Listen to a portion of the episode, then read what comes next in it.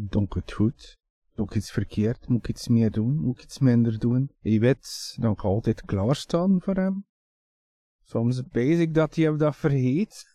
Of dat hij denkt van, oh, die de vent, oh, oh, dat is wat. Jezelf kunnen zijn begint thuis. Dat is de basis van Gezinsbond Podcast. Over het leven zoals het is wanneer iemand in je gezin een LGBTQ-persoon is. Ik ben Sarah, redacteur bij Gezinsbond. En in deze aflevering gaan we luisteren naar de stilzwijgende, maar toch heel warme band tussen Miel en zijn papa Christophe.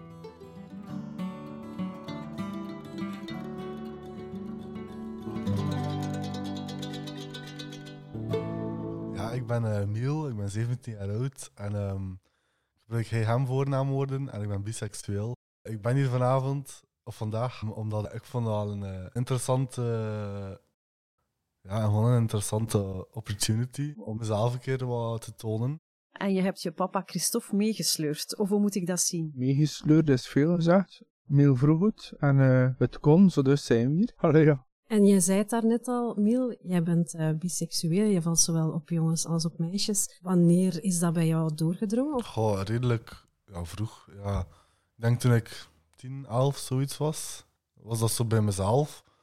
En uh, ik weet eigenlijk echt niet meer hoe oud ik was toen ik het heb gezegd aan papa. Een jaar of twee geleden? Ja, pakte een jaar of drie, vier geleden. Ik denk dat het iets langer geleden is. Je hebt het dus een jaar of vier voor jezelf gehouden. Ja. Heb je het daar dan ook moeilijk mee gehad? Ik vind het nog altijd heel moeilijk om dingen te zeggen over mezelf aan papa. Ondanks de goede band dat we hebben. Want nu lijkt het al een stuk beter, maar toen was dat nog moeilijk. Dus was ik ook zo bang voor de reactie en zo. En um, hoe was jouw reactie, Christophe, toen hij er dan uiteindelijk mee naar jou kwam? Zeg, heb je daar nooit probleem van gemaakt? Nee. Ik vond het gewoon jammer dat hij zo lang gewacht heeft. Maar dat deed hij vooral om ons te sparen. Hij wilde, hij wilde ons niet opzadelen met zijn probleem.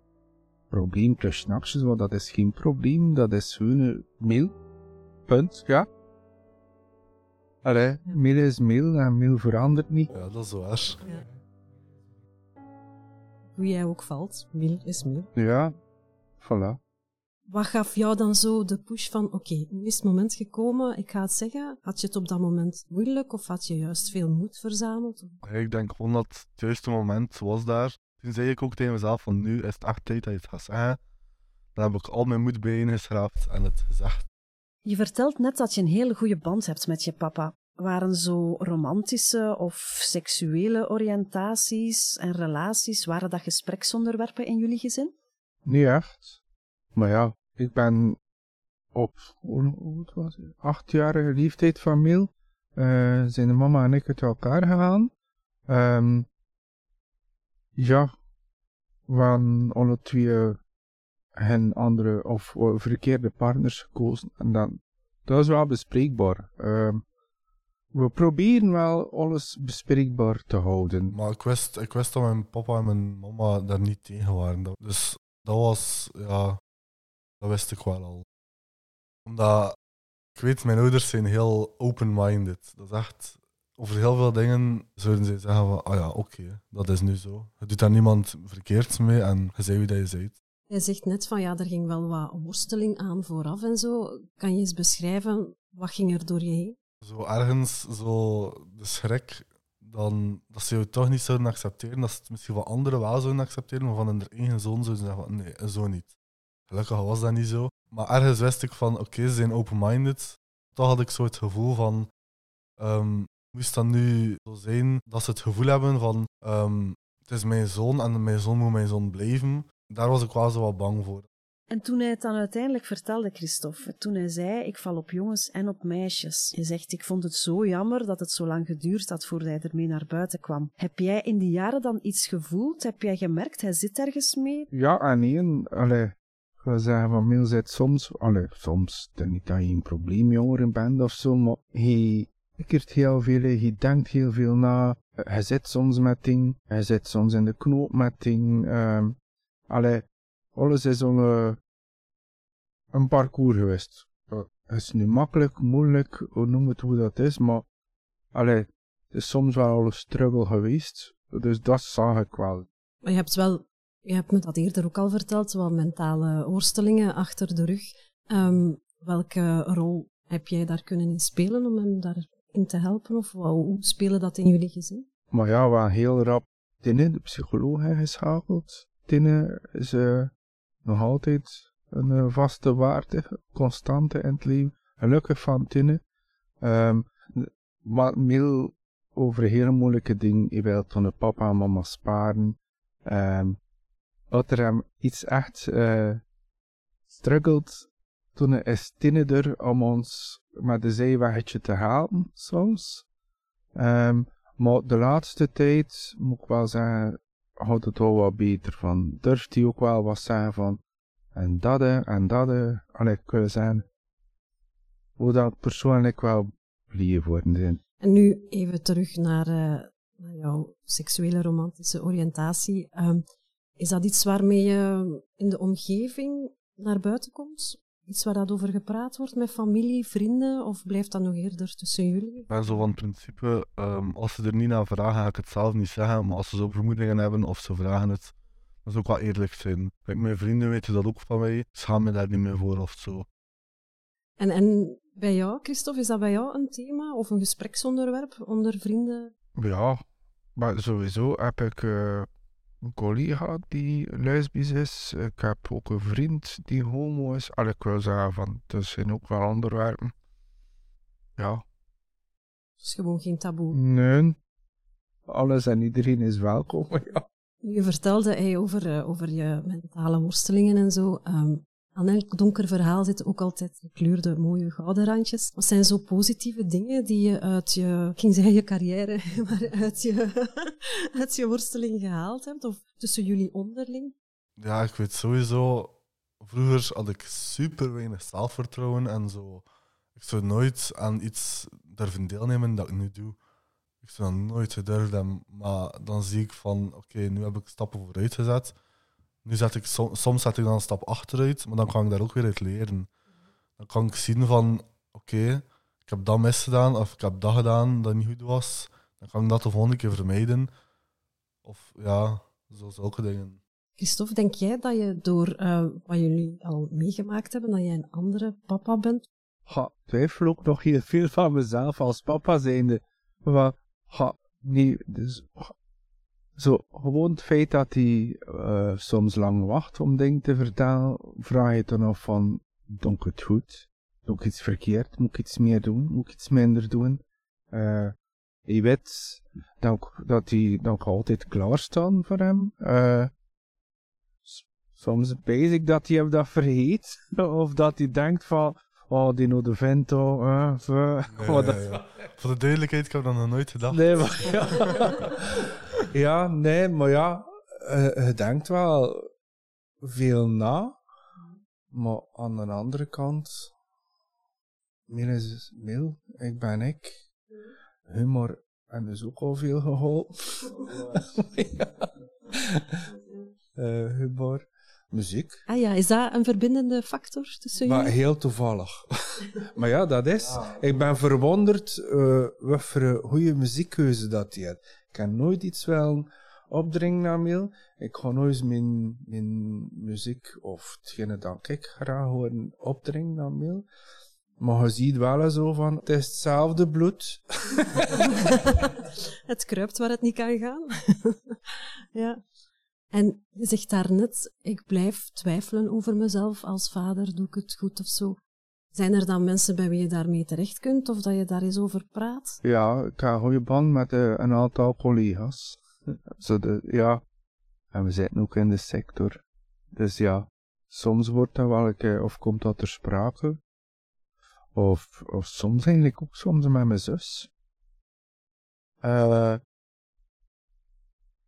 ja, maar ik wil ook nog altijd heel graag hebben dat zowel mijn andere zonen als Mil uh, er zelf moeten ontdekken. Ze krijgen de vrijheid om uh, te ontdekken wie dat ze zien, wat dat ze gaan en wat niet. Uh, ik ga ik wel altijd proberen, als Mil toen komt, of wat hij ergens mee zit, ik ga nooit zijn antwoord opdringen, maar ik ga misschien een paar vragen stellen, zodat hij misschien op een andere invalshoek kan nadenken. En of voorlopig komt dat nog goed, die.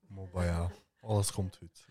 maar ja, ik wil zeggen van, allee, wij zijn ook, ook zo een beetje opgevoed geweest. Tamelijk met de los, oh ja, uh, regels en, en straffen en, wow. Sowieso ben ik er dan niet af. Maar ja, hadden zo heel veel opvoedingsmogelijkheden, types, ja, ik ben een beetje van laissez-faire, al ik wil zeggen. Dus je laat wel voelen, ik ben er voor jou, maar zoek je pad. Ja, dat vind ik heel belangrijk. Dat die, dat die wet van, oh, dat eigenlijk niet gaat. Gewoon een papa of gewoon een mama en alles komt goed. Uh, staat voor alles wel een oplossing en bestaat het nog niet. We gaan wel creatief zijn voor iets te vinden. Maar ja, dat is wel. Ik heb uh, een tijd geleden al eens met Mil gepraat. Hij was heel lovend over jou. Dus als je je daarnet afvroeg van, zou hij wel weten dat hij bij mij terecht kan, heeft hem het wel door. Hij heeft het heel goed door, als ik dat even mag zeggen. Dat was een en al uh, lof, hè? Dat, je dat je goed uh, bezig bent. Um, te veel bof, niet? Want... Wat blieft? Niet te veel bof, maar nee, nee. dat ontroert me toen. Uh... Ja, dat, dat, dat mag. En daar heb je ook al die jaren uiteindelijk best voor gedaan. Hè? Mm, ja. En het wordt geapprecieerd. En emoties mogen er ook zijn, toch? Ja. Ja, Miel, we hadden het um, in het vorige interview ook eventjes over zo hoe jij je toont aan de buitenwereld. Toen had jij een heel opvallend stekelig kapsel. Zo toch ja, stekeliger dus dan nu. Nu is het al wat uh, nu, um, Ja, het is iets rustiger. Het is een beetje tot rust gekomen, je kapsel. Is dat iets wat ook heel belangrijk is, hoe je je toont aan de buitenwereld? Als ik over straat loop, um, heb ik al heel lang, of altijd eigenlijk al, het gevoel gehad van ik word hier door 10.000 ogen bekeken en beoordeeld. Um, dus soms is het echt moeilijk uh, om, om te dragen wat ik wil dragen of om te zijn wie ik wil zijn in de buitenwereld. Ik weet dat dat thuis zeker kan. Um, maar als ik bijvoorbeeld ergens naartoe ga en ik weet dat er daar nieuwe mensen gaan zijn, dan ga ik um, afhankelijk van wie dat ze zijn, als ik er al een beetje meer over weet, ga ik zo meer zijn wie ik ben. En anders ga ik zo de wat ja, normalere kleren aandoen. Wat heb je vandaag aan? Um, ik zou het alternatief noemen. Zo'n beetje de, de gothic stijl van, van de New Wavers, zo van vroeger. zo, zo, ja, zo zou ik het noemen. Heb je ook zo'n fase gehad? Ja. Zie je, van dat bloed dat kruipt. Uh... Ik herinner me dan als eerst nog beelden. Is het waar? Allee, ik had toen ook van die schoen met beugels en puntschoenen en, ah, ja, ja, ja, en lang haar. Ja. ja, echt wel. Ik heb een horror tot hier. Zie je, je moet eigenlijk al je kleren bijhouden, want zoveel jaar later eh, kunnen ze nog van pas komen. Hè. ik had toen ook nog een, eh, een hippiefase gehad, of ik weet niet hoe dat je het moet noemen, met die, al die kleuren, de gekleurde broeken. En, en hoe losser, hoe beter. En een scheur of zo. Ja, ja, dus even terugblikken naar je eigen jeugd en je begrijpt... Uh... Ja, maar allee, dat maakt ook wie dat je bent. Zo, zo, dus ja, ik wil het en dan wil dat ook. Kan en mag. En ja, dat is belangrijk voor later, punt. En als we even teruggaan naar waar we mee begonnen zijn, hoe zit het momenteel in de liefde? Mag ik daar eventjes naar vragen? Oh, en papa stopt nu zijn oren toe. Nee, nee, nee, nee, maar dat is gewoon van, allee, uh, je zegt daar niet veel over, maar uh, laat me ik laat je door. Ik vertrouw hem ook volledig uh, op dat vlak. Van, ik, weet, ik weet dat je daar heel bewust mee bezig bent ook. Dus, maar ik ga er echt alle vertrouwen in kan uh, papa al geruststellen. Um, voorlopig niemand. Wel al heel erg verliefd geweest? Ja, dat wel. En is dat ook iets, zo een gevoel, zo'n gevoel van binnen, is dat ook iets dat je durft zeggen tegen hem dan? Soms. Het is al een tijdje geleden, dus als ik dan terugkijk naar vroeger, zou ik het niet zeggen, maar ik denk nu, denk ik dat wel. Ja. Zijn er zo dingen die jullie nu zouden kunnen meegeven aan andere ouders, misschien ouders met jongere kinderen? Ik zou zeggen, laat ze zoeken laat ze vrij zijn en als ze zeggen van mama of papa, ik wil uh, mij zo kleden, of ik wil nagellak aandoen, of ik wil make-up aandoen, of ik wil gelijk wat, laat ze doen. Maar laat ze ook weten dat je er bent voor hen als, als het lastig is. Je herhaalt gewoon de manier waarop je Ja, vader eh, het eh, wel. aangepakt heeft. Hè? Wel. Ja. ja. Ja, Christophe? Dat gaat hem gewoon vooral zionkindjes hebben. Dankjewel om te luisteren naar deze aflevering. Deze aflevering van Gezinsbond Podcast werd opgenomen en gemonteerd door Jade Yorks. In onze Gezinsbond Podcast praten we met plezier over en met gezinnen. Daar zijn we natuurlijk ook de Gezinsbond voor. We hebben het over samenleven, opvoeden, relaties en al de fijne en minder fijne dingen die daarbij komen kijken. Vond je het een beetje leuk? Vertel het dan verder aan heel de wereld. Wil je graag meer van ons horen? Volg ons dan via de podcast-app die jij verkiest. Je mag ons zeker laten weten wat je ervan vindt. Je kan een recensie schrijven in de podcast-app of gewoon oldschool mailen naar podcast.gezinsbond.be. Tot de volgende!